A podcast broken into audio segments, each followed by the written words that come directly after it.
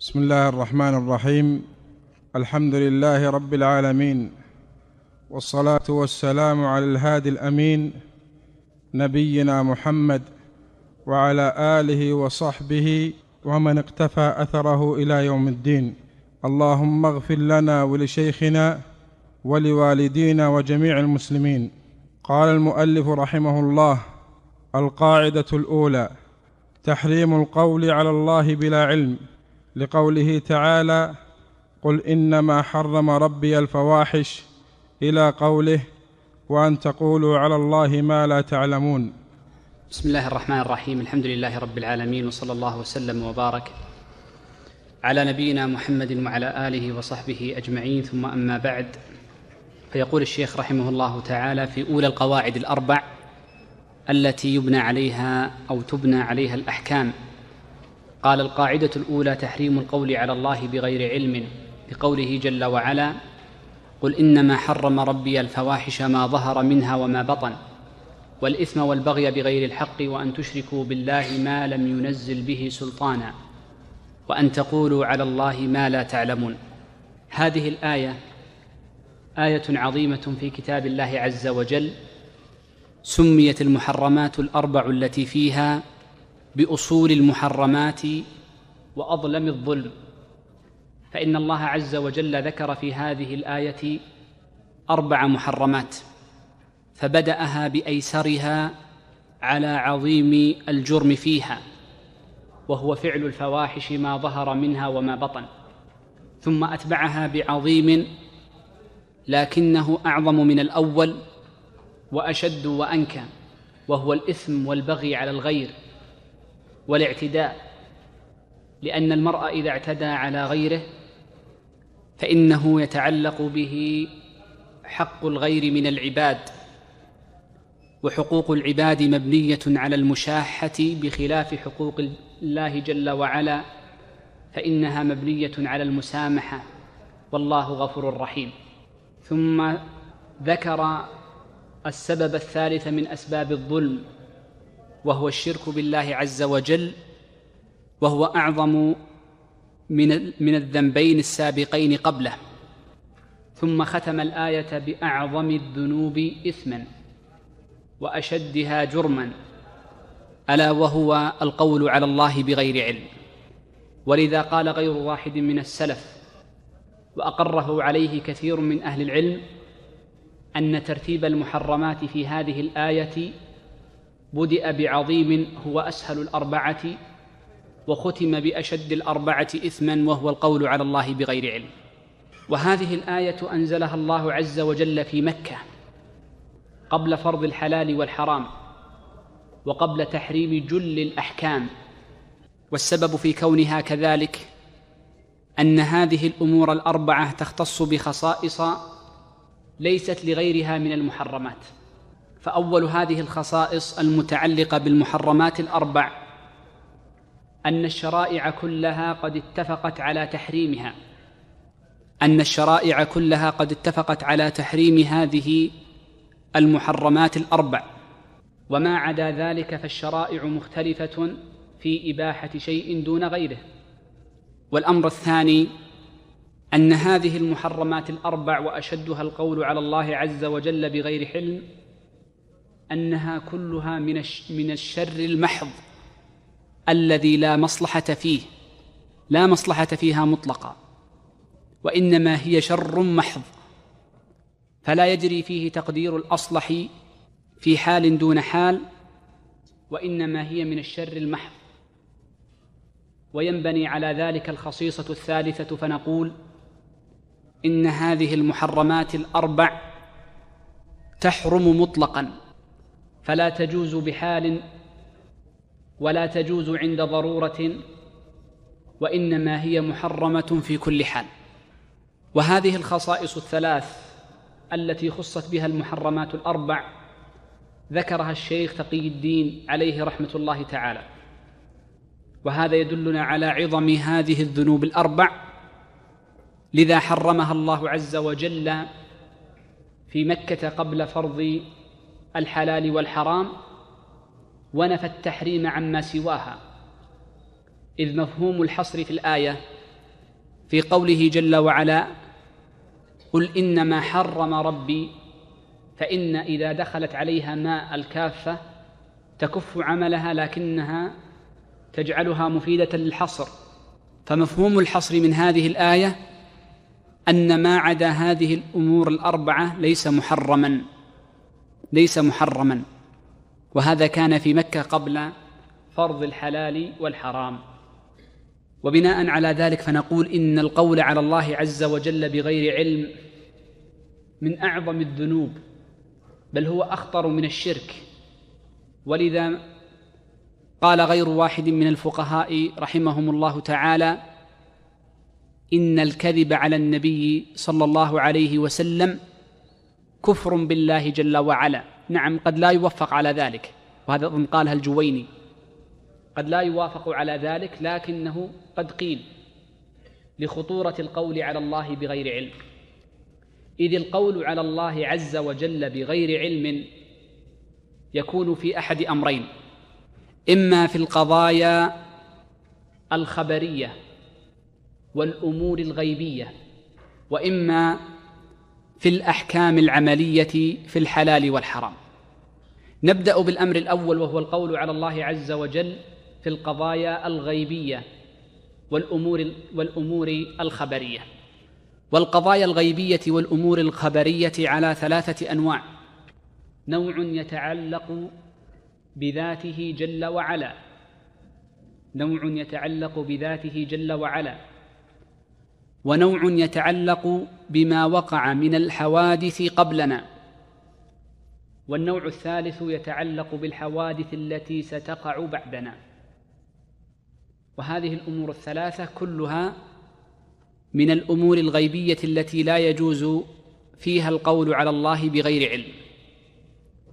وما ضل من ضل من الفرق في باب الأسماء والصفات إلا بسبب قولهم على الله بغير علم فأثبتوا لله عز وجل أشياء لم يثبتها لنفسه أو أنكروا وأولوا وحرفوا أشياء أثبتها لنفسه جل وعلا. وأعلم الخلق به سبحانه محمد صلى الله عليه وسلم أثبت ذلك. فكيف يكون لأحد بعده أن ينفي أو يؤول ما أثبته؟ عليه الصلاة والسلام. ولذلك فإن من القول على الله بغير علم ولا شك الاعتداء في إثبات اسم أو صفة له جل وعلا سواء من حيث التجسيم ووصف الله عز وجل بما لم يصف به نفسه سبحانه وتعالى أو من حيث التأويل والتعطيل فالكل سواء كما قال نعيم بن حماد شيخ الإمام البخاري رحمه الله تعالى ما أول أحد إلا وقد جسم. فالمقصود من هذا الكلام كله أنه لا يجوز اولا الحديث في ذاته جل وعلا إلا بما جاءنا من الوحي فأخبر به عن نفسه جل وعلا أو أخبر عنه الصادق المصدوق صلوات الله وسلامه عليه. لا نزيد في ذلك حرفا ولا ننقص منه حرفا. الأمر الثاني من المغيبات التي لا يجوز فيها الكلام والقول بغير علم ما حدث من أخبار قبلنا. ولذلك فإن الله عز وجل قص لنا من قصص آدم وموسى وعيسى وسائر الأنبياء وأخبرنا بعض خبر بني إسرائيل. وبناء على ذلك فإن هذه نصدقها ونأتي بها على وجهها. وأما أن نتأولها ونحملها على غير وجهها كما لو قال قائل وقد قال إن آدم ليس ابا للبشر وإنما البشر لهم آباء متعددون كل واحد منهم يسمى آدم. فلكل عرق من البشر جد يدعى آدم. وإنما قصة آدم في كتاب الله عز وجل إنما هي مثل ضرب للصراع بين الحق والباطل. وهذا ولا شك قول على الله عز وجل بغير علم. ومن ما نهينا عنه أن نتأول ما جاءنا من الأخبار السابقة. ولذلك انظر كيف أن نبينا محمدا صلى الله عليه وآله وسلم كما في الصحيح لما خبر بقصة الخضر مع موسى عليهما السلام. لما ختم القصة قال النبي صلى الله عليه وسلم ليت موسى صبر ليخبرنا الله عز وجل من قصصه أو نحو مما قال صلى الله عليه وسلم. فالعبرة بما أخبر به صلى الله عليه وسلم عن الله عز وجل وأوحاه إليه سبحانه وتعالى. الأمر الثالث من المغيبات التي لا يجوز الكلام فيها إلا بعلم ما سيكون في آخر الزمان من حوادث وفتن وملاحم ومحن ولذلك فإن الأئمة كانوا يشددون في ذلك أشد التشدد. وكانوا عليهم رحمة الله يحذرون من الخوض فيها من غير علم. فقد جاء أن المتوكل أرسل للإمام أحمد يسأله عن الملاحم التي تكون في آخر الزمان. فرد عليه الإمام أحمد فقال إنه لم يصح منها شيء أي من الملاحم. وهذا يدل على أن الواجب على المسلم فيما سيكون في آخر الزمان من أشراط الساعة وعلاماتها وأماراتها وفتن آخر الزمان وملاحمه أن يقف عندما ورد به النص. والبعض من الناس يعتمد على صحيح على ضعيف المنقول أو على واهنه ومكذوبه وما أكثره في الفتن التي تكون في آخر الزمان. وآخرون تكلفوا تكلفا شديدا حتى أصبحوا يؤولون النصوص على وجهها. وهذا ولا شك من القول على الله بغير علم. وما قصة هرمجدون التي يعرفها الجميع وغيرها من كتابات المعاصرين إلا من هذا الباب ولا شك أنه قول على الله عز وجل بغير علم بما يتعلق بالمغيبات. الأمر الثاني الذي فيه القول على الله عز وجل قلنا الأمر الأول ما يتعلق بالمغيبات والقضايا الخبرية والأمر الثاني يتعلق بالأحكام الشرعية والفروع والمسائل والدقائق التي يتعبد بها العبد لله عز وجل. وقد ذكر أهل العلم وهذه مسألة مهمة. ذكر أهل العلم رحمهم الله تعالى أن القول على الله عز وجل في الأحكام يكون بفعل واحد من خمسة أمور. فمن فعل شيئا من هذه الأمور الخمسة فإنه يكون قد قال على الله عز وجل بغير علم. فأول هذه الأمور الخمسة قالوا أن يفسر المرء نصوص الوحيين من غير علم. ولذا جاء أن أبا بكر الصديق رضي الله عنه لما سئل عن آية في كتاب الله عز وجل قال أي سماء تقلني وأي أرض قال أي أرض تقلني وأي سماء تظلني إن قلت في كتاب الله ما لا أعلم. ولما سئل ولما سئل عمر خليفته عن الآية نفسها وهي معنى الأب قال ويح عمر وأم عمر وأبيه إن قال في كتاب الله ما لا يعلم ولذلك فإن الاجتراء على النصوص بتفسيرها مذموم ولا شك. ولذا جاء عن السلف التشديد في تفسير نصوص الوحيين من الكتاب والسنة. حتى لقد روى الميموني عن الإمام أحمد رحمه الله تعالى أنه كره تفسير غريب الحديث لكل أحد. قال لا تفسر غريب الحديث.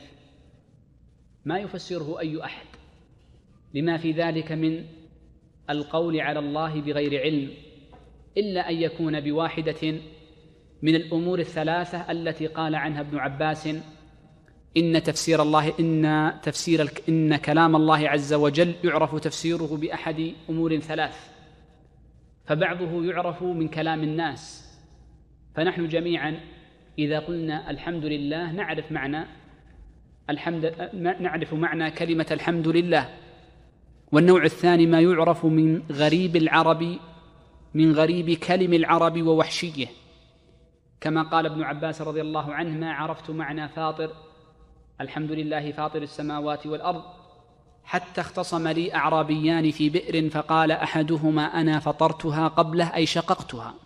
قال والنوع الثالث لا يعرفه إلا أهل العلم الذين نظروا في النصوص فلم يضربوا بعضها ببعض فحملوا مطلقها على مقيد على مقيدها وعامها على مخصوصها وعرفوا ناسخها من منسوخها ثم طبقوا دلائل الألفاظ بفحوى الخطاب ولحنه ومعناه ودليله وغير ذلك من دلائل الألفاظ المعروفة عندهم.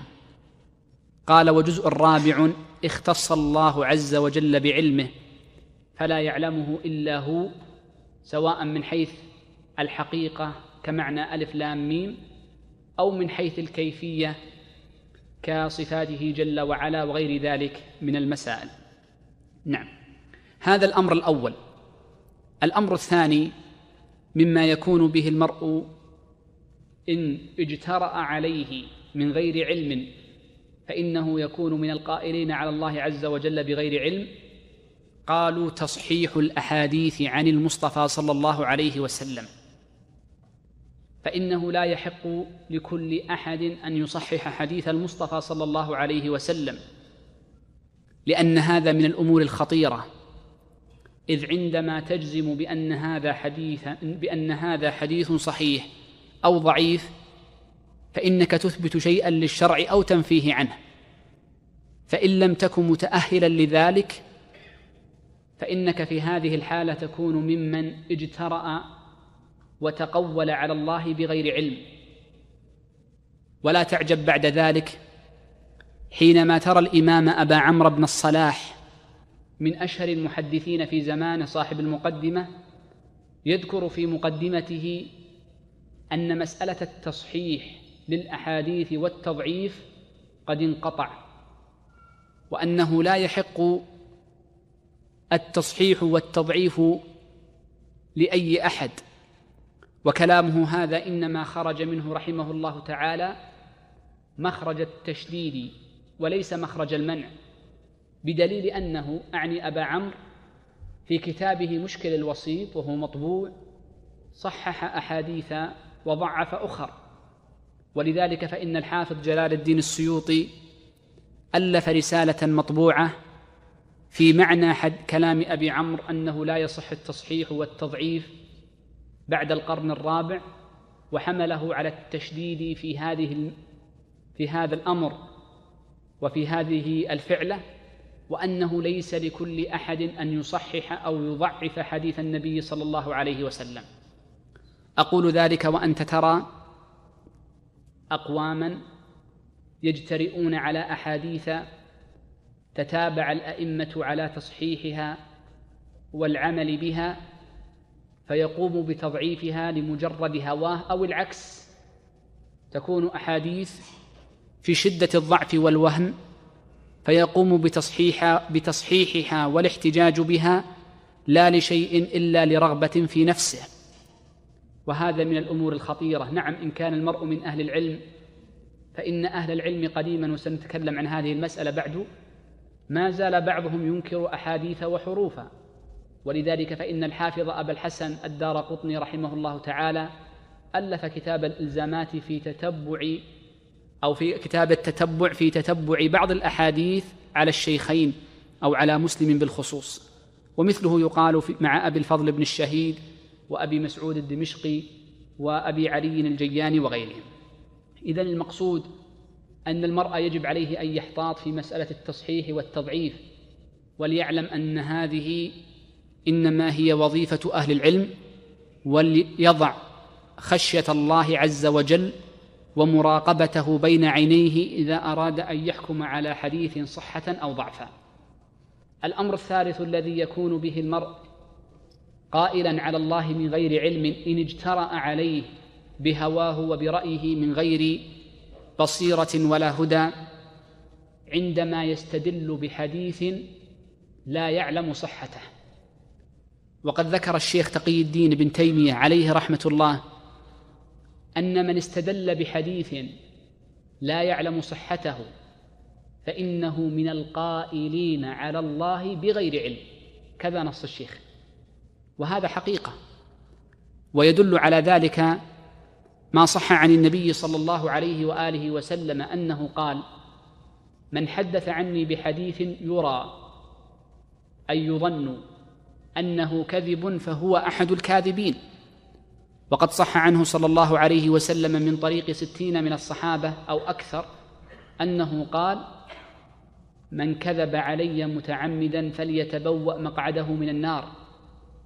فمن حدث بحديث كذب فإنه يخشى عليه أن يدخل في الوعيد الشديد عن المصطفى صلى الله عليه وسلم حينما قال فليتبوأ مقعده من النار أي الكاذب.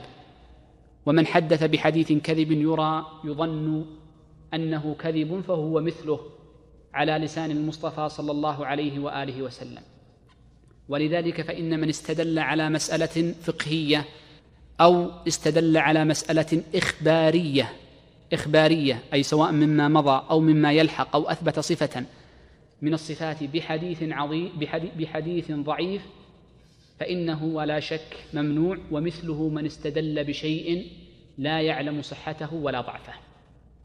وهذا قد أشار إليه النبي صلى الله عليه وسلم حينما قال حدثوا عن بني إسرائيل ولكن لا تصدقوهم ولا تكذبوهم.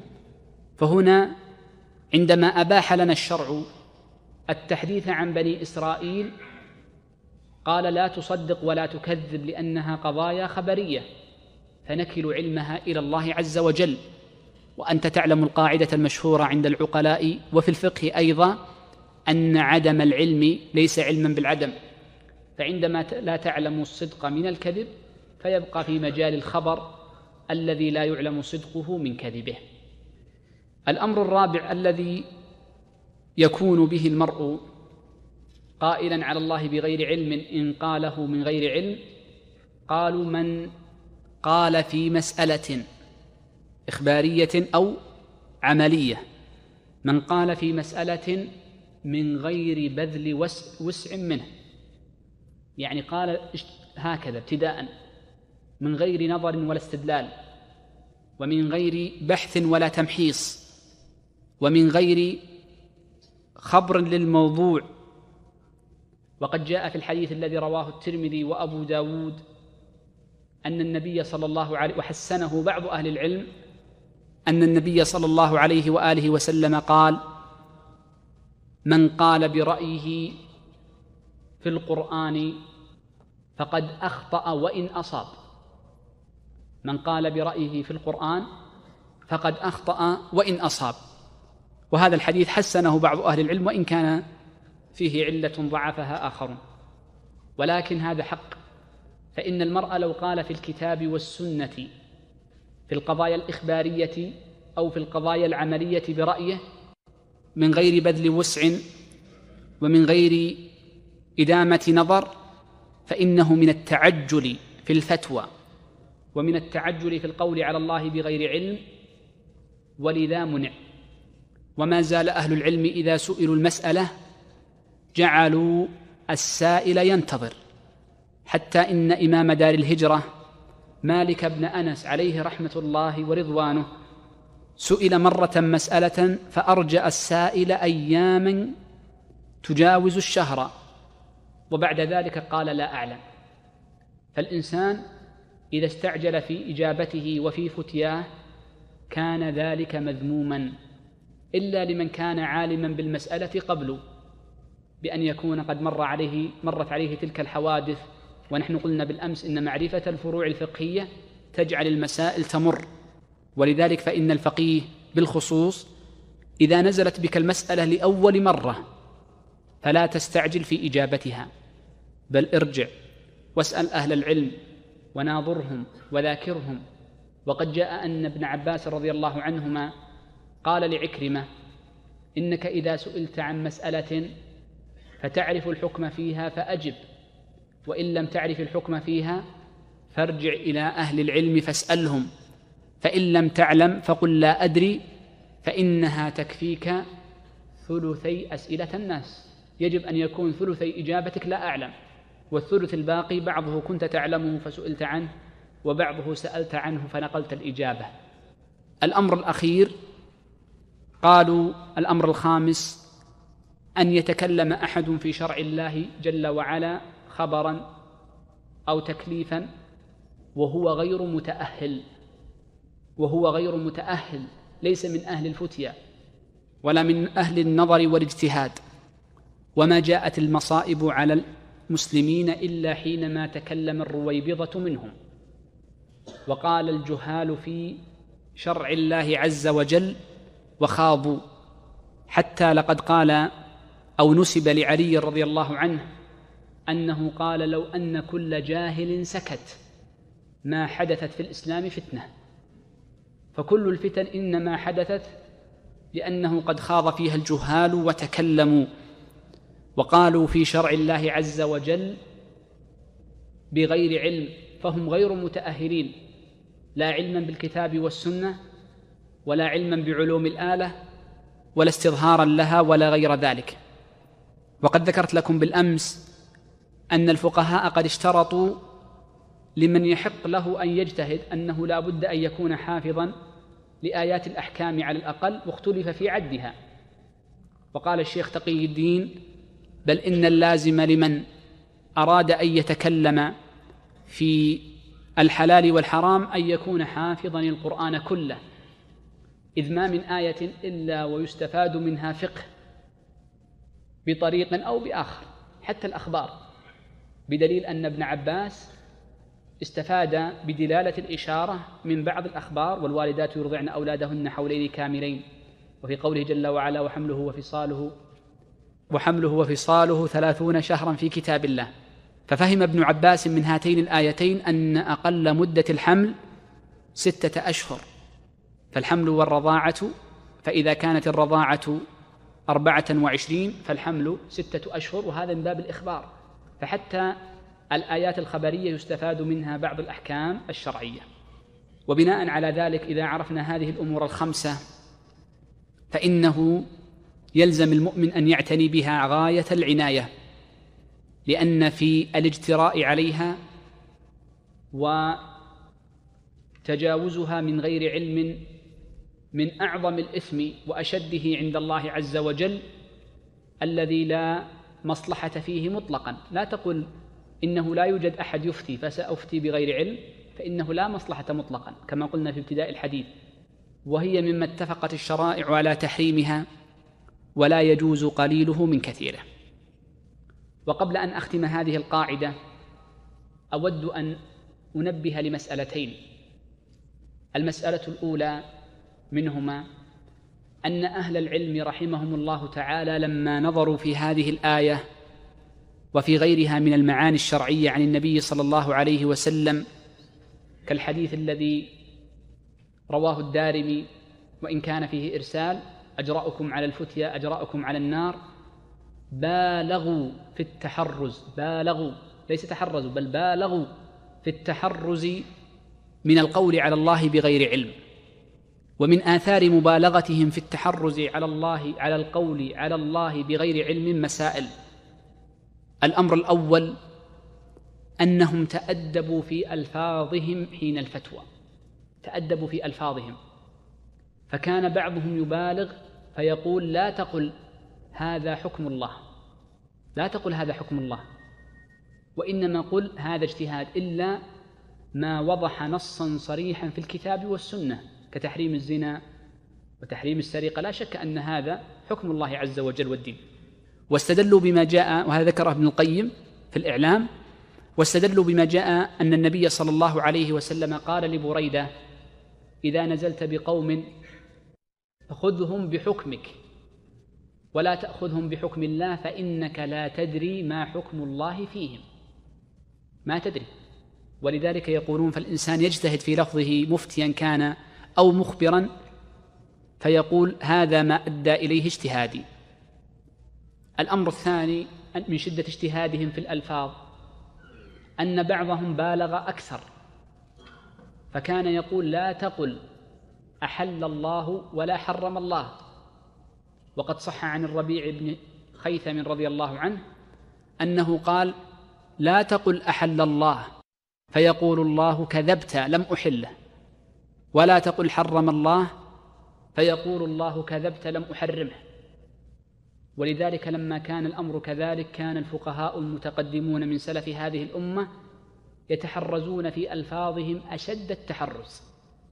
فإذا رأوا في مسألة خلافا عبروا عند التحريم بالكراهية أكره ذلك. وإذا رأوا فيها نظرا لأهل العلم قال لم يعجبني. وهذا كثير في كلام الإمام مالك وفي كلام الإمام أحمد والشافعي وغيرهم من أئمة المسلمين رحمة الله عليهم. وهذان الملحظان في التحرز في الألفاظ أشار لهم لهما ابن القيم رحمه الله تعالى في إعلام الموقعين وأطال عليهما. فمن رجع إلى كلام العلامة ابن القيم فإنه سيكون موفيا ولا شك. الأمر الثاني أن أهل العلم رحمهم الله تعالى قلنا الأمر الأول أنهم يتحرزون في ألفاظهم. الأمر الثاني أنهم كانوا يربون طلاب العلم عندهم على قول لا أدري على قول لا أدري. حتى لقد قال محمد بن عجلان ومالك الإمام من قال لا أدري من ترك قول لا أدري فقد أصيبت مقاتله فقد أصيبت مقاتله. وكان الشعبي يقول إن قول العالم لا أدري نصف العلم.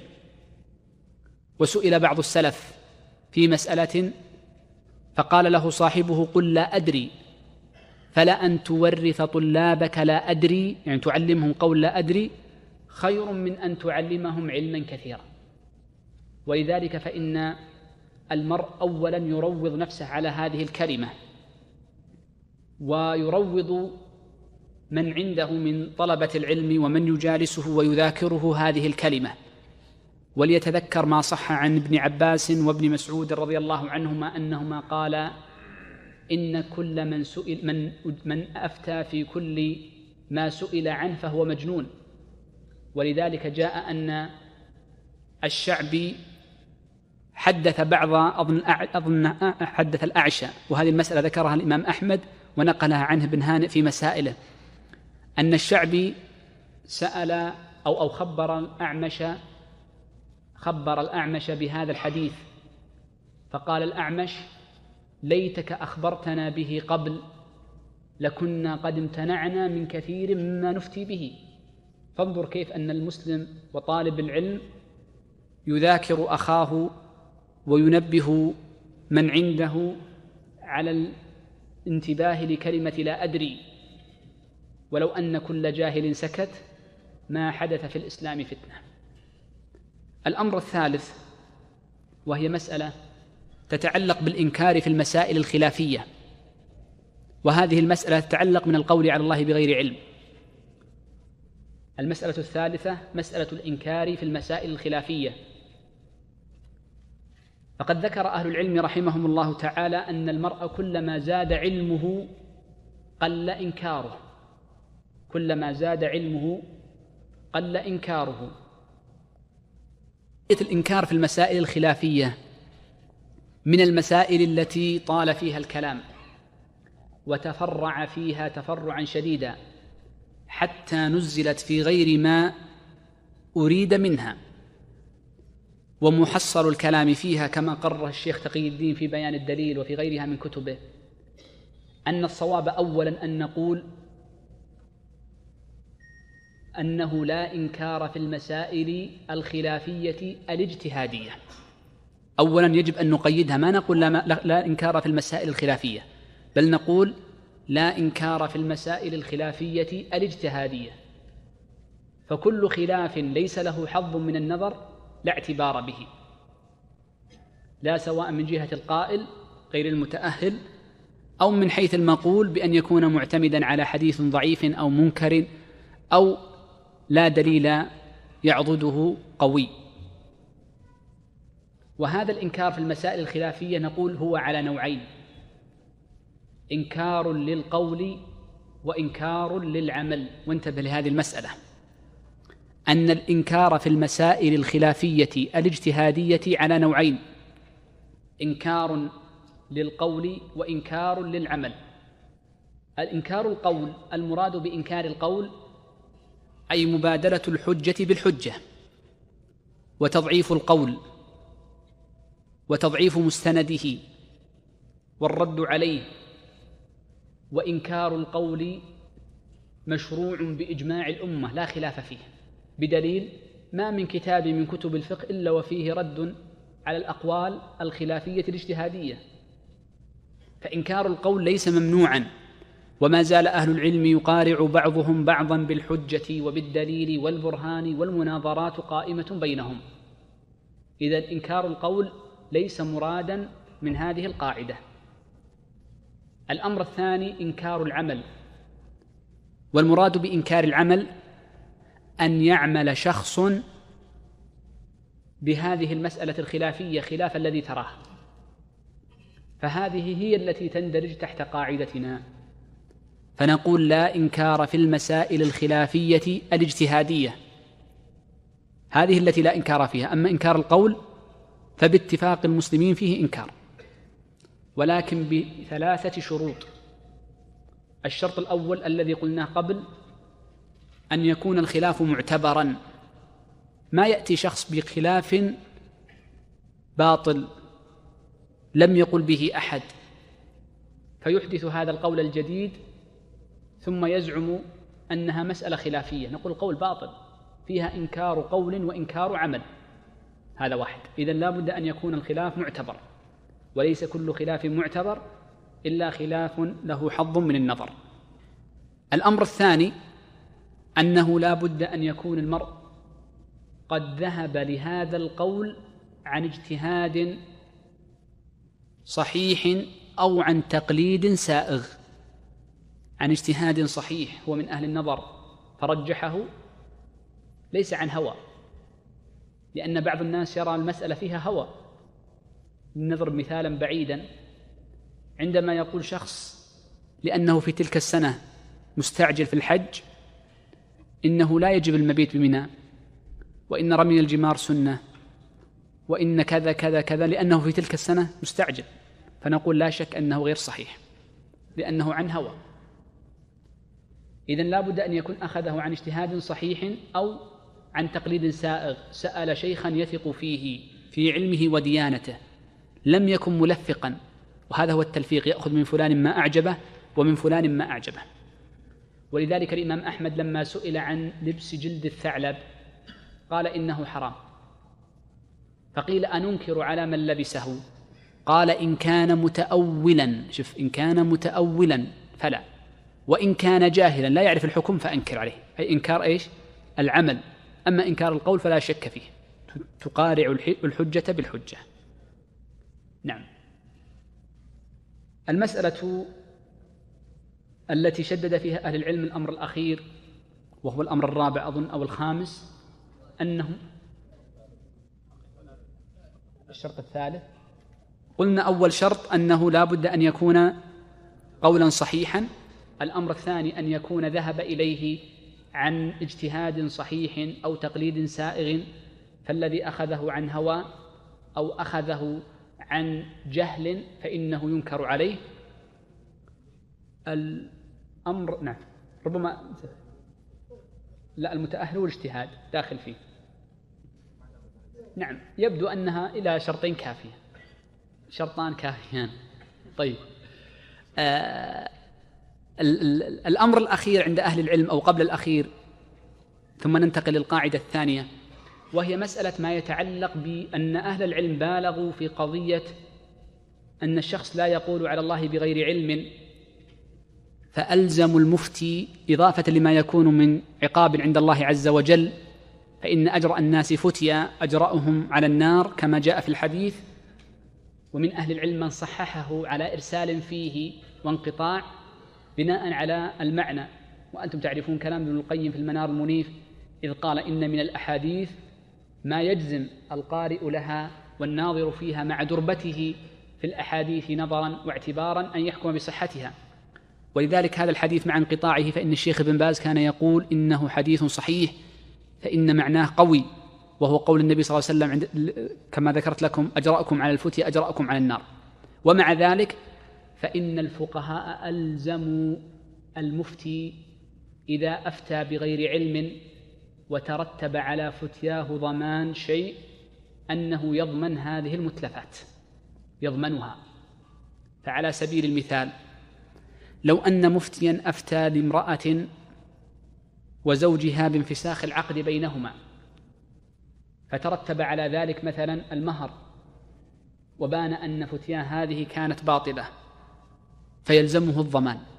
لو أفتى مفت لامرئ بجواز طعام أو شراب لا يحل له فاستهلكه أخذه من مال آخر. بحجة مسألة الظفر مثلا. وكان افتاؤه عن غير علم فإنه يضمن ذلك. وقد نص أهل العلم قديما ومتوسطين على أن المفتي إذا أفتى من غير علم بأن لم يبذل كامل وسعة أو كان غير متأهل ونحو ذلك أنه يضمن في فتياه يضمن. فما ترتب على فتياه من مال ومن ضمان متلفات فإنه يلزمه أن يضمنها. وقبل أن ننتقل من هذه القاعدة أختم بكلمة مهمة جدا وهو أنه قد جاء عن حذيفة بن اليمان رضي الله عنه وهو من أعلم الناس بالمنافقين. بعد النبي صلى الله عليه وآله وسلم أنه ذكر أوصافا كثيرة في المنافقين ومما ذكر عن أوصاف المنافقين أن من أكثر من يقع منه النفاق يكون أو أن أن أن المنتسبين للعلم قد يقع فيهم النفاق أكثر من غيرهم. حتى إنه قد روى الفريابي في صفة المنافقين عن حذيفة رضي الله عنه أنه سئل من المنافق؟ قال الذي يصف الإسلام يحسن وصف الإسلام يتكلم عن الدين بأحسن كلام ولكنه لا يعمل به. وقال إن المنافق إذا قرأ القرآن لا يغادر منه ألفا ولا واوا يلوكه كما تلوك البقرة لسانها. والنبي صلى الله عليه وسلم أشار في بعض الأحاديث أن أكثر من يجب عليه أن يراجع قلبه في جانب النفاق والرياء هم طلبة العلم بالخصوص فجاء عند الإمام أحمد والحاكم وصححه أن النبي صلى الله عليه وسلم قال العي يعني فقر اللسان العي والبذاذة من الإيمان والكبر والبيان شعبتان من النفاق. فأن يكون المرء فصيحا في لسانه طلقا فيه فإنه يخشى عليه الرياء. إذ عندما يتكلم المرء ويرمقه, ويرمقه الناس بأبصارهم فإذا كان مفتيا فتكلم فأفتى أخذوا قوله على وجهه فامتثلوا أمره واستنوا بما يشير فإنه يقع في نفسه من الرياء ما لا يقع في غير نفس غيره. وقد أشار لذلك النووي عليه رحمة الله في بستان العارفين فإنه قال كلاما مؤداه أن العلم أفضل من العبادة ولا شك. ولكن لما هو يقول ذلك؟ لما؟ نرى الكرامات تظهر على يد العباد أكثر مما تظهر على يد العلماء. طبعا هذه مبنية على مسألة وهي هل أن الكرامة من شرطها الصلاح الصحيح وهو قول جماهير أهل السنة معتقد أهل السنة أنه لا يلزم فقد يظهر الله عز وجل كرامة على يد رجل فاسق ليعز الدين أو يقوي إيمان هذا الرجل الفاسق. فلا تلازم بين الكرامة وبين الصلاح. قال النووي لأن العالم أو الفقيه إذا تكلم أنصت الناس إليه وإذا أفتى أخذوا بقوله وإذا أشار امتثلوا أمره فيقع في نفسه من الرياء ما لا يقع. أقول هذا لماذا؟ لأن كثيرا من طلبة العلم ربما يسأل عن المسألة وأختها فيكون قائما مقاما عاليا على منبر أو في محاضرة ونحوها فيستحي أن يقول لا أدري أو يستحي أن لا يجيب. وهنا تأتي المشكلة. فلأن تتعلم ويعتاد لسانك هذه الكلمة خير ألوفا من أن تقتحم جراثيم جهنم. وأن يكون قلب وأن يكون قلبك قد ورد عليه شيء من الرياء فتقول على الله بغير علم خشية أن يقال إن فلانا لا يعلم أو لم يحب جوابا ليقول ما يقول ما عليك. يجب على طالب العلم بالخصوص أن يكون أول من يراقب أولا وأخيرا هو الله عز وجل. والناس إنما هم تبع لا تهتم بكثرة الناس وإنما راقب الله عز وجل في سرك وعلانيتك في قولك وعملك. ولذلك كان كثير من أهل العلم قبل الفتوى من السلف أعني كان يسأل الله عز وجل الإعانة قبل الدرس وقبل الفتوى. ولذلك يعني أردت أن أذكر نفسي وأذكر إخواني قبل أن نختم هذه القاعدة العظيمة. نعم. القاعدة الثانية أن كل شيء سكت عنه الشارع. فهو عفو. لا يحل لأحد أن يحرمه أو يوجبه أو يستحبه أو يكرهه.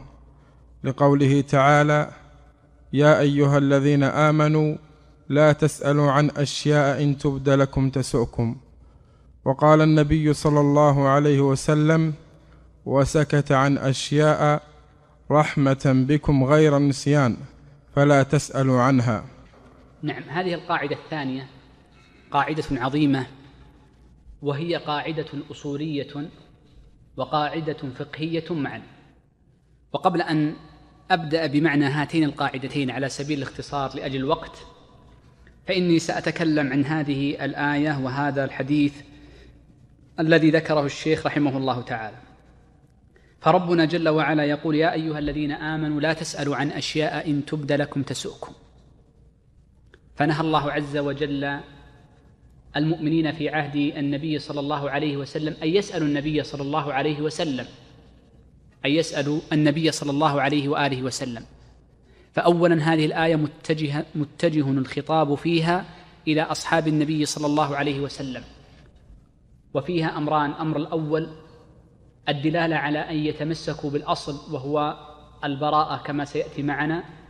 والأمر الثاني عدم السؤال عدم السؤال والإكثار منه لأن كثرة السؤال قد تهون من المأمور في نفس الممتثل. ومن أهل العلم من قال إن هذه الآية عامة لأصحاب النبي صلى الله عليه وآله وسلم ومن بعدهم فيقول لا تسألوا أي لا تبحثوا ليس السؤال الذي يرجو منه الجواب وإنما لا تبحثوا عن أشياء الأصل فيها الإباحة فتبحثوا عن تحريمها. فتبحثوا عن تحريمها. فتكون موافقة لمعنى القاعدة. ثم ذكر المصنف حديث أبي ثعلبة. وحديث أبي ثعلبة رواه الطبراني والبزار والدار قطني وغيرهم. وحسن إسناده أبو المظفر السمعاني والنووي وغير واحد من أهل العلم. حسنوا إسناده. وإن كان فيه علتان وهو الانقطاع بين مكحول وأبي ثعلبة وهل هو موقوف أو أنه مرفوع فإنه ولو كان موقوفا فإن له حكم الرفع من حيث المعنى ومن حيث جزالة اللفظ وقوته. وهو قول النبي صلى الله عليه وآله وسلم وسكت عن أشياء رحمة بكم غير نسيان فلا تسألوا عنها. هذه الآية وهذا الحديث نستنبط منها قاعدتان. قاعدة أصولية وقاعدة فقهية واللفظ فيهما واحد.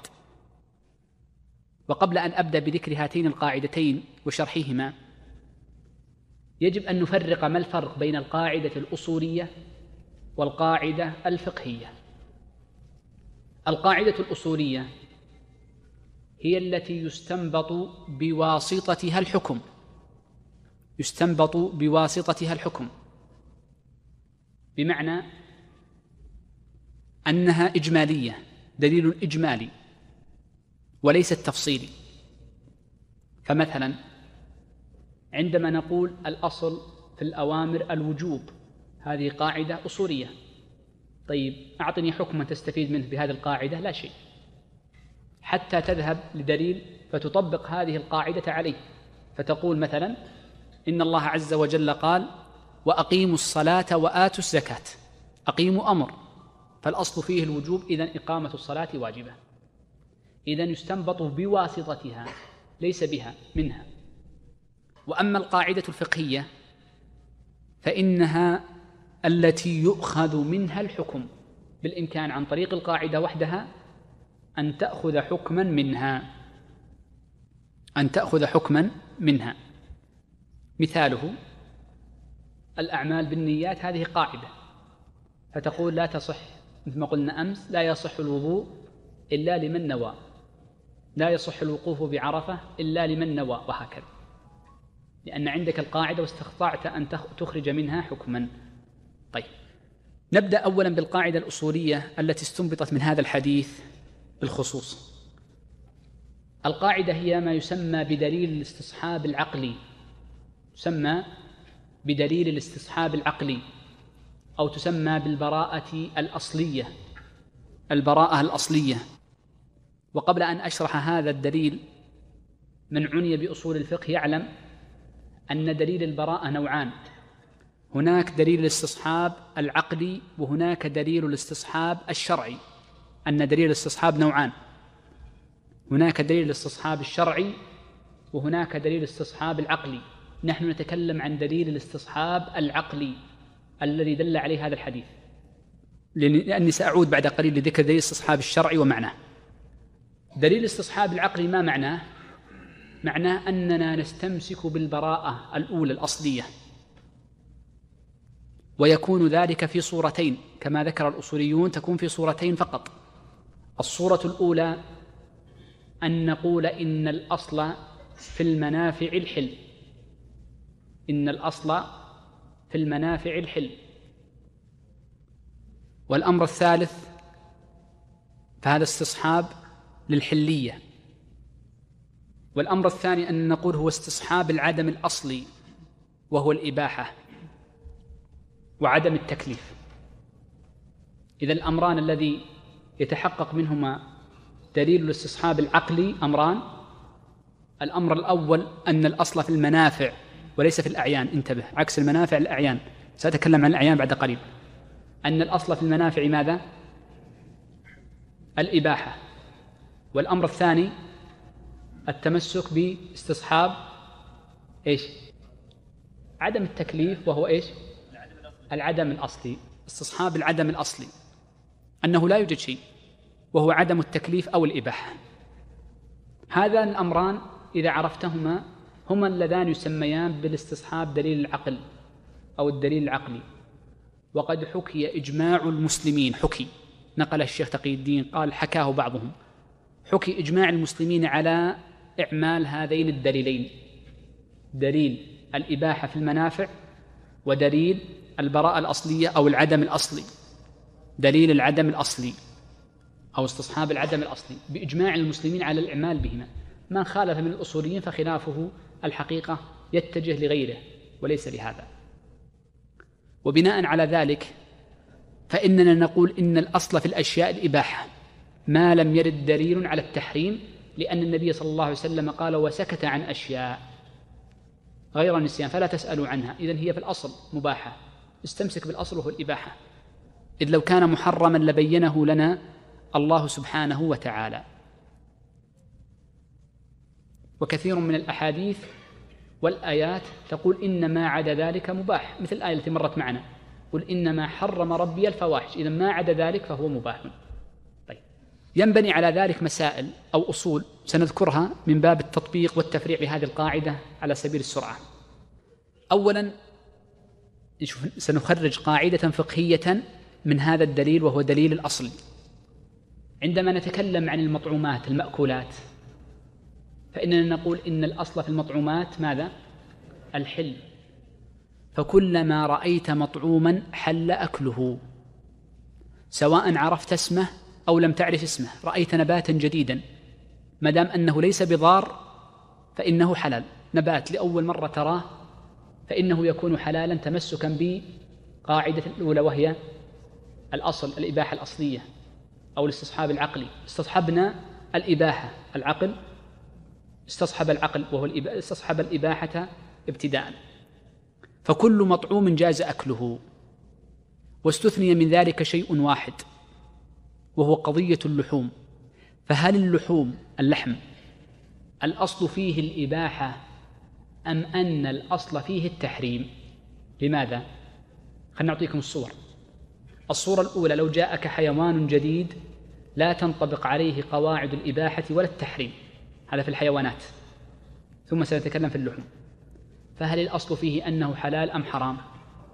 حيوان جديد لم يسمى ليس ذا مخلب ولا ناب يفترس بهما وليس من القواعد المشهورة هذا واحد. لا أعطيك الآن مثال وفي خلاف. طيب مثال ثاني وجدت لحما مذبوحا لحم غنم أو إبل أو غير ذلك مما يؤكل لكن لا تعرف ذابحه أهو مسلم أم ليس بمسلم؟ أهو سمى الله عز وجل عليه أم لم يسمي الله عز وجل عليه؟ فهل نقول إن الأصل في اللحوم الإباحة أم الحظر؟ قولان لأهل العلم. فمنهم وهو القول الضعيف من قال إن الأصل في اللحوم الحظر. واستدلوا بحديث الصيد من أرسل كلبه ووجد معه كلبا آخر قال لا تأكله لأن لا يعرف من أيهما. والصحيح أن الأصل في اللحوم الإباحة. لأن النبي صلى الله عليه وسلم في حديث عائشة لما سئل عن القوم يجد يعني يجدون اللحم ولا يعلمون أسمي عليه أم لم يسمى قال سمي أنت. فدل على أن الأصل ماذا؟ الإباحة. فكل حيوان تراه جديدا يعني ليس داخلا في أي قاعدة فالأصل فيه أنه يجوز أكله. مثلا طير جديد جاءنا الكنغر هذا الكنغر هل يجوز أكله؟ شكله غريب هناك قواعد تتعارض فيه وليس من القواعد النصية في قواعد ضعيفة في الأكل تعرفون؟ قواعد ضعيفة مثل اتفاق الاسم. هذه قاعدة فقهية ضعيفة. يقول إنما اتفق الاسم فيه حرم مثل خنزير البحر يقول حرام لأنه اتفق الاسم مع خنزير البر. والحقيقة أن اتفاق الأسماء لا يؤثر بدليل أنه قد تغير اسم خنزير البحر. الآن يسمى أظن فقمة أظن. فعندما تغير الاسم هل تتغير الحقائق؟ لا تتغير. إذا هذا قاعدة ضعيفة نمدعها لكن نتكلم عن القواعد القوية مثل أن يكون ذا ناب يفترس به أو مخلب يفترس به. الكنغر نقول نبقى على الأصل وهو الإباحة وهذا هو الصحيح. إلا إذا قوي الحاضر اللي هو المانع فإنك تمتنع.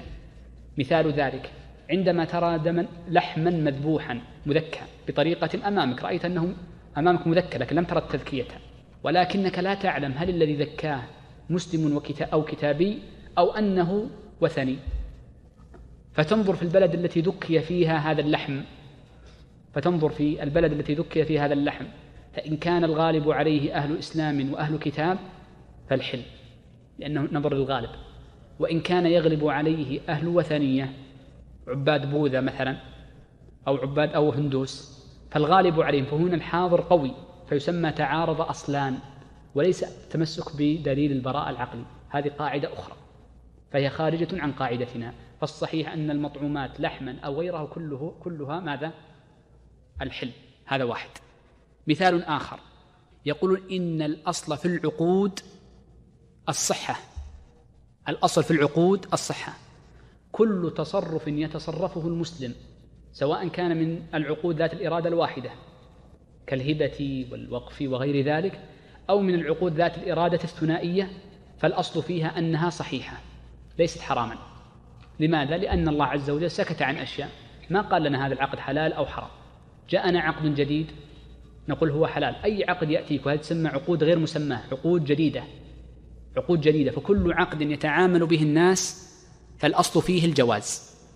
ما لم تأتي إحدى قواعد ثلاث تحرمه. ما هي القواعد الثلاث المحرمة في العقود؟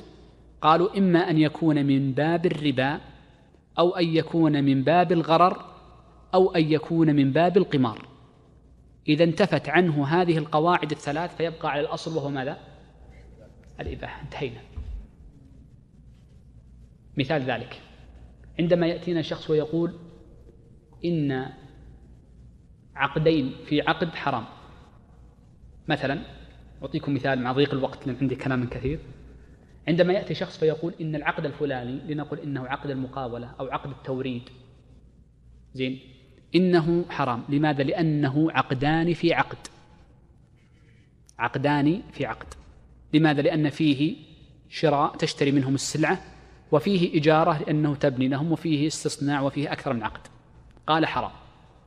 خلينا نطبق عليه هل هو قول على الله بغير علم أم لا. نقول أولا من أين أتيت بأن العقدين في عقد حرام؟ قال النبي صلى الله عليه وسلم نهى عن بيعتين في بيعة. نقول هل قال النبي صلى الله عليه وسلم بيعتين في بيعة أو قال عقدان في عقد؟ قال عقدان في بيعتين في بيعة. والصحيح أن بجمع الأدلة والنصوص أن معنى البيعتين في بيعة هو بيع العينة. بيع العينة. وبناء على ذلك فيجوز العقد وقد شرط فيه عقد آخر. تمسكا بماذا؟ الأصل وهو الصحة. لأن الحاضر غير صحيح.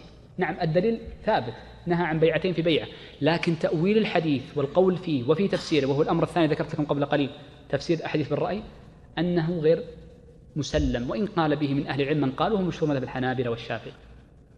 فانظر كيف أننا رجعنا عندما تبطل أو تضعف حديث الذي قول كما سيأتي معنا في تطبيق الشيخ في الأمثلة إن شاء الله في الدرس الأخير وقبله أنه مباشرة تنتقل تتمسك بالأصل والأصل في العقود الصحة وفي المطعومات ماذا؟ الإباحة. الأمر الأخير ما بقي إلا خمس دقائق. أن الأصل في التصرفات. انتهينا من المطعومات. والآن ثم تكلمنا عن العقود. الآن التصرفات. أفعالك. لأن التصرف أشمل من العقد يشمل العقود ويشمل غيرها كالجنايات وغيرها. يقولون الأصل في التصرفات الجواز. يجوز لك أن تتصرف كيفما شئت وأن تفعل ما شئت. الأصل أنه يجوز وسكت عن أشياء منها تصرفاتك. افعل ما شئت. أي, أي تصرف يجوز لك فعله. قالوا إلا أربعة أمور جاء النص باستثنائها. مما جاء في الحديث وحرم عليكم أشياء. مما حرمه الله عز وجل أربعة أشياء. ما هي هذه الأشياء الأربعة؟ قالوا أول هذه الأمور أربعة. يعني إذا ما لم يكن من الأمور الأربعة التي ورد النص بها إذا مثل ما قلنا في العقود. العقود كلها جائزة ما عدا إيش؟ ثلاثة أشياء. ولها صور الثلاثة أشياء. والتصرفات كلها جائزة ما عدا أربعة أشياء. الأمر الأول قالوا الأبضاع. فإن الأصل في الأبضاع التحريم. ما يجوز لك أن تطأ أي امرأة. لأنه استثني. الله عز وجل يقول والذين هم لفروجهم حافظون إلا على أزواجهم أو ما ملكت أيمانهم. ودائما المستثنى أو غالبا على خلاف بين الأصوليين واللغويين لا بد أن يكون أقل من المستثنى منه فلا يجوز من الأبضاع إلا الزوجة وملك اليمين وما عدا ذلك فالأصل التحريم. حرام. وبناء على ذلك لو اشتبهت امرأة بغيرها فالأصل التحريم. وهكذا. إذا الأمر الأول مما يستثنى من التصرفات الأبضاع. الأمر الثاني قالوا العبادات. الأصل في العبادات التحريم. ما يجوز أن تتعبد الله بما شئت ما يجوز. من أحدث في أمرنا هذا ما ليس منه فهو رد. فلذلك ما يجوز أن تتعبد الله بزيادة صلاة أو بذكر جماعي أو بهيئة معينة أو بعدد معين أو بفضل معين إلا بنص. ما يجوز. نتعبد الله عز وجل بما ورد. الأمر الثالث قالوا الأصل في الأموال العصمة. ما معنى العصمة؟ يعني أنها ملك أشخاص. إلا المباحات التي قال وسلم الناس شركاء في ثلاث. فالمال ما يجوز لك أن تعتدي على مال غيرك لأنه مال لغيرك فهو معصوم. الأمر الرابع قالوا الأصل في النفوس الحرمة. ما يجوز تقتل أي شخص إلا أن يكون جاز قتله كأن يكون قتل آخر من باب القصاص. أو أن يكون زانيا ونحو ذلك. إذا هذه الأمور الأربعة هي المستثنات من أصل إيش؟ التصرفات. طيب. وأنا ذكرت يعني هنا قواعد فقهية مستخرجة عن القاعدة الأصلية. فقط نذكر فائدة قبل قليل. قلنا فرقنا بين إيش؟ الاستصحاب العقلي والاستصحاب الشرعي. ما هو الاستصحاب الشرعي؟ سهل جدا. التمسك بعموم بالعموميات بعمومات الأدلة وبالإجماع واستصحاب الدليل مرة أخرى. استصحاب العموم واستصحاب الإجماع وهذه مسألة خلافية كبيرة جدا من المسائل المتفرعة عليها مثلا. إحنا ذكرنا الاستصحاب الأول ذكرنا المسائل المتفرعة عليه. استصحاب الشرعي أو الدليل الشرعي من الأمثلة المتفرعة عليه عندما يقول الشخص من الفقهاء مثلا يقول طبعا الأدلة الشرعية هذه متفق عليها الأولى. الأولى متفق عليها. الثانية مختلف فيها. يتفرع على دليل التمسك بالعمومات باستصحاب العمومات الشرعية والإجماع عندما يقول الفقهاء مثلا إن الأصل في المسلم العدالة. يقول الأصل في المسلم العدالة. إذا جاءك شخص مجهول فالأصل فيه أنه عدل. مشهور هذا في كتب كثير من الفقهاء. من أهل العلم وهذا رأي الشيخ تقي الدين نقل عنه القاضي علاء الدين المرداوي في الإنصاف قال إن هذا غير صحيح. ليس الأصل في المسلم العدالة بل الأصل في الناس جميعا أنهم ظالمون لأنفسهم. والعصر إن الإنسان لفي خسر. أي كل الإنسان إلا الذين آمنوا وعملوا الصالحات فهم قلة. فالأصل والغالب أنه ظالم. فلذلك لا بد من البحث. فلذلك حتى في رواية الحديث المجهول لا تقبل روايته ولا يصحح حديثه إلا أن ترتفع عنه جهالة العين والحكم. إذا وهذا طبعا متفرع عليها في قضية الشهادة وما الذي يقبل. بناء على ذلك أيضا من الأمثلة مثلا عندما نقول مثلا قاعدة مثلا في حديث محارب بن دثار عن ابن عمر عند الترمذي. طبعا ذكرت محاربا لأن الكلام في الحديث في قضية محارب. عندما قال النبي صلى الله عليه وسلم أبغض الحلال إلى الله الطلاق. استنبط منها شيخ الإسلام تيمية أن الأصل النهي عن الطلاق. وبناء على ذلك تنبني فروع قد يعارضه فيها غيره. يقول لا ليس النهي عن الطلاق بل إباحة الطلاق. وهل الأصل الاحتياط في الطلاق من عدمه؟ تنبني على هذا الأصل. طيب أختم حديثي بالقاعدة الأخرى إحنا قلنا استنبطنا من هذا الحديث والآية قاعدتان قاعدة أصولية وهي دليل الاستصحاب العقلي أو البراءة الأصلية وهي أمران. قلنا إن الأصل في المنافع الحل والأمر الثاني وهو استصحاب العدم الأصلي وهو عدم التكليف أو الإباحة. استنبط من هذه القاعدة أيضا قاعدة فقهية بحيث أن الفروع مباشرة تستنبط منها بحيث أن الفروع مباشرة تستنبط من هذه القاعدة الفقهية. وهذه القاعدة الفقهية هي أن الأصل براءة الذمة. أن الأصل براءة الذمة. فيقولون إن الشخص الأصل أن ذمته بريئة. لأن النبي صلى الله عليه وسلم قال وسكت. فالأصل أن ذمة الشخص بريئة غير مشغولة بشيء. فعلى ذلك مثلا عندما يدعي شخص على آخر شيئا فالأصل أن المدعى عليه بريء. ولذلك النبي صلى الله عليه وسلم قال البينة على المدعي واليمين على من أنكر. فالأقوى منهما هو من؟ المدعى عليه. المدعى عليه. ولذلك تقدم بينة المدعى عليه إذا تعارضتا. على الأصح إذا تعارضت المدعى بينة المدعي والمدعي عليه تقدم بينة المدعى عليه لأنه هو الذي بيده العين وهو الأقوى جانبا خلافا لمشهور مذهب الحنابلة فإن قول الحنابلة لم يعمل به حتى عندنا لا يعمل به أن تقدم بينة الخارج غير صحيح. الأمر الثاني عند التقدير عندما يثبت الحكم ولكن يختلف في التقدير. مثلا شخصان أحدهما داخل وآخر خارج أو أو مدعي ومدعى عليه. اختلف في التقدير ثبت الحكم. أنا أخذت سيارتك عارية ثم أتلفتها ثم أتلفتها. أن تقول إن قيمتها كذا مئة ألف. أو لونها كذا. وأنا أقول ليس تقدير قيمة وإنما تقدير الحقيقة. وأنا أقول لا. أن تقول مثلا إنها من نوع الغالي سيارة مرسيدس مثلا. وأنا أقول لك لا إنها من نوع الرخيص. فالقول قول من؟ قول الغارم اللي هو أنا. لماذا؟ لأن الأصل أن أنا الذي سأدفع المال. الأصل أن ذمتي بريئة. الأصل أن ذمتي بريئة. إذا نأخذ بأن الأصل براءة الذمة في مسألتين في الإثبات في قول في إثبات الحق وفي تقديره يؤخذ قول المدعى عليه ما لم تأتي بينة تنقل عن هذا الأصل وهو البراءة. أيضا في الميت إذا مات الشخص هل نقول إن عليه دين أم ليس عليه دين؟ الأصل أن لا دين عليه الآن. ما لم يأتي الشخص ببينة وهكذا مسائلها بمئات أو بألوف المئات من المسائل. أسأل الله عز وجل الجميع التوفيق والسداد وأن يرزقنا العلم النافع والعمل الصالح وصلى الله وسلم على نبينا محمد. أحسن الله إليك شيخ. يقول السائل فضيلة الشيخ السلام عليكم ورحمة الله وبركاته. ما رأي فضيلتكم في مذكرة الشيخ الشنقيطي رحمه الله؟ وما أفضل كتاب أصول يكون منه التحضير للدرس والمراجعة؟ أما مذكرة الشيخ محمد الأمين الشنقيطي فهي من أجمل الكتب. أولا لأن الشيخ عليه رحمة الله من أهل هذا الفن ممن آه، صاغه ويعني حتى تجده في كلامه في التفسير تجد أنه ضابط لهذا الفن هذا الجانب الأول. الجانب الثاني أن هذه المذكرة أملاها من ذهنه والشخص إذا أملى من ذهنه ليس كمن ينقل من الكتب. انظر الفرق. الذي ينقل من الكتب سينقل عبارات الآخرين والشيخ نقل من ذهنه. ولذلك كانت أسهل عبارة لأن زمانه قريب من زماننا. الشيخ مات عام 92 و300 أو ألف من الهجرة عليه رحمة الله. فعباراته قريبة من لغة زماننا جدا وهو محافظ على لغة الأصوليين في نفس الوقت. وصاغها من ذهنه ودائما تنظر في كلام الذي يصوغ من ذهنه أحسن مما من الشخص الذي ينقل.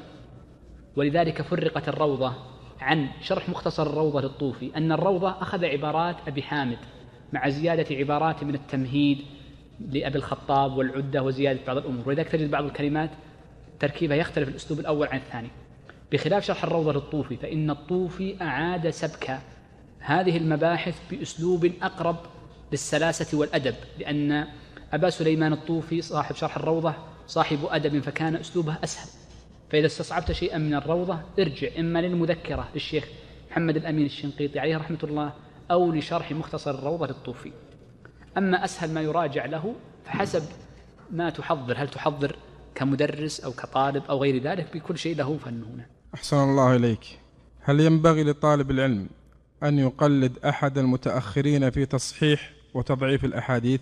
بالنسبة لتصحيح الأحاديث وتضعيفها إن كان الذي يقلد من أهل الشأن والعلم كالشيخ ناصر الدين الألباني أو الشيخ بن باز فلا شك أنهم أئمة في هذا الباب وغيرهم ليس ليس حصرا هذين الاثنين كثير ممن كتب. ولكن للأسف أنه جاء في هذا الزمان غرائب من الأشخاص ومن الآلات. فقد وقفت على برنامج لا أدري أنزله صاحبه أم لا. برنامج حاسوبي كمبيوتر يحكم على الأحاديث صحيح أو ضعيف بحيث أنه يجعل السلسلة أمامه ثم يذكر كلام الحافظ على هذه فإذا كان قال ثقة ثقة ثقة ثقة إذا فالحديث صحيح. ثقة ثقة ثقة ضعيف ثقة فالحديث ضعيف. ثقة فيه صدوق إذا الحديث حسن. منذ متى كان الحكم على الأحاديث؟ واحد زائد واحد يساوي اثنين. أين السلامة من العلال والشذوذ الذي يعرفه أهل الشأن؟ فالمقصود أنه إذا كان مرء من عرف وشهد له بالعلم وكان متأهلا فلا شك وذكرت لك أمثلة له. أحسن الله إليك. كيف يحفظ المسلم نفسه؟ من القول على الله بلا علم. وهل هناك كتب تتكلم عن هذا الموضوع؟ أظن نصف محاضرتنا اليوم كلها عن هذا الموضوع يعني ما. أما الكتب فكثيرة يعني من أحسنها كتاب إعلام الموقعين وقيل بكسر الهمز وفتحه أعلام وإعلام ولكن الظاهر الأظهر لغة الإعلام أي بمعنى إخبار ففيه مباحث لطيفة جدا في هذا الموضوع. نعم. أحسن الله إليك. نرى حالنا اليوم في الفتوى من بعض مشايخنا في حل الحرام فمن أين نأخذ الفتوى الصحيحة؟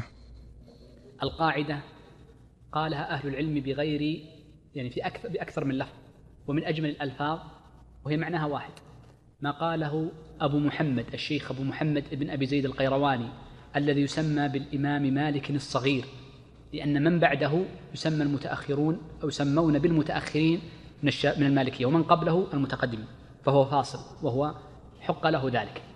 يقول أبو محمد ابن أبي زيد القيرواني إن الواجب على المجتهد أن ينظر في الأدلة. وغيره من المقلدين أو المستفتين الواجب عليهم النظر في الرجال. بمعنى وهذه القاعدة ذكر أيضا أبو الخطاب الكلوذاني والغزالي وابن قدامة وكثير من أهل العلم. معنى هذا الكلام وأختم بهذا السؤال أن الواجب على طالب العلم أن ينظر في المفتين فينظر الأعلم عنده والأدين عنده فيأخذ برأيه إن لم يكن هو مجتهد أو له الحق النظر في الأدلة. ينظر الأعلم والأدين. وليس العلم بالتشهي ولا بطلاقة اللسان لا. وإنما بشهادة أهل العلم فإنما يعلم الفضل أهله. ولذلك يقول الإمام مالك ما شهدت ما أفتيت حتى شهد لي سبعون معمما أني أهل من أهل الفتوى. قال ابن ناصر الدين ولم يكن يتعمم في ذلك الزمان إلا فقيه. فإذا شهد الفقهاء لامرئ أنه من أهل الفقه أو المحدثون لامرئ أنه صاحب صنعة في التصحيح والتضعيف. هو حكمه لأن الأحكام تحبنا على التصحيح والتضعيف. فإنه يقلد ولا شك. هذا الأمر الأول. أو أنه أعلم من غيره. الأمر الثاني من حيث الديانة. بأن ترى أثر العبادة والورع في فعله وفي عمله. إذ كما قال ابن الصلاح في صفة المفتي والمستفتي بإجماع لا تقبل فتوى الفاسق. ولا شك أن الفسق نسبي. فالفاسق الأكبر أو الفسق الأكبر لا شك لا يقبل وأعظمه الشرك أو ظهوره وأما الفسق الذي يكون ببعض الذنوب فمن ذا الذي يسلم منه إلا أن يتدارك الله عز وجل برحمته؟ أسأل الله عز وجل جميع التوفيق والسداد وصلى الله وسلم على نبينا محمد.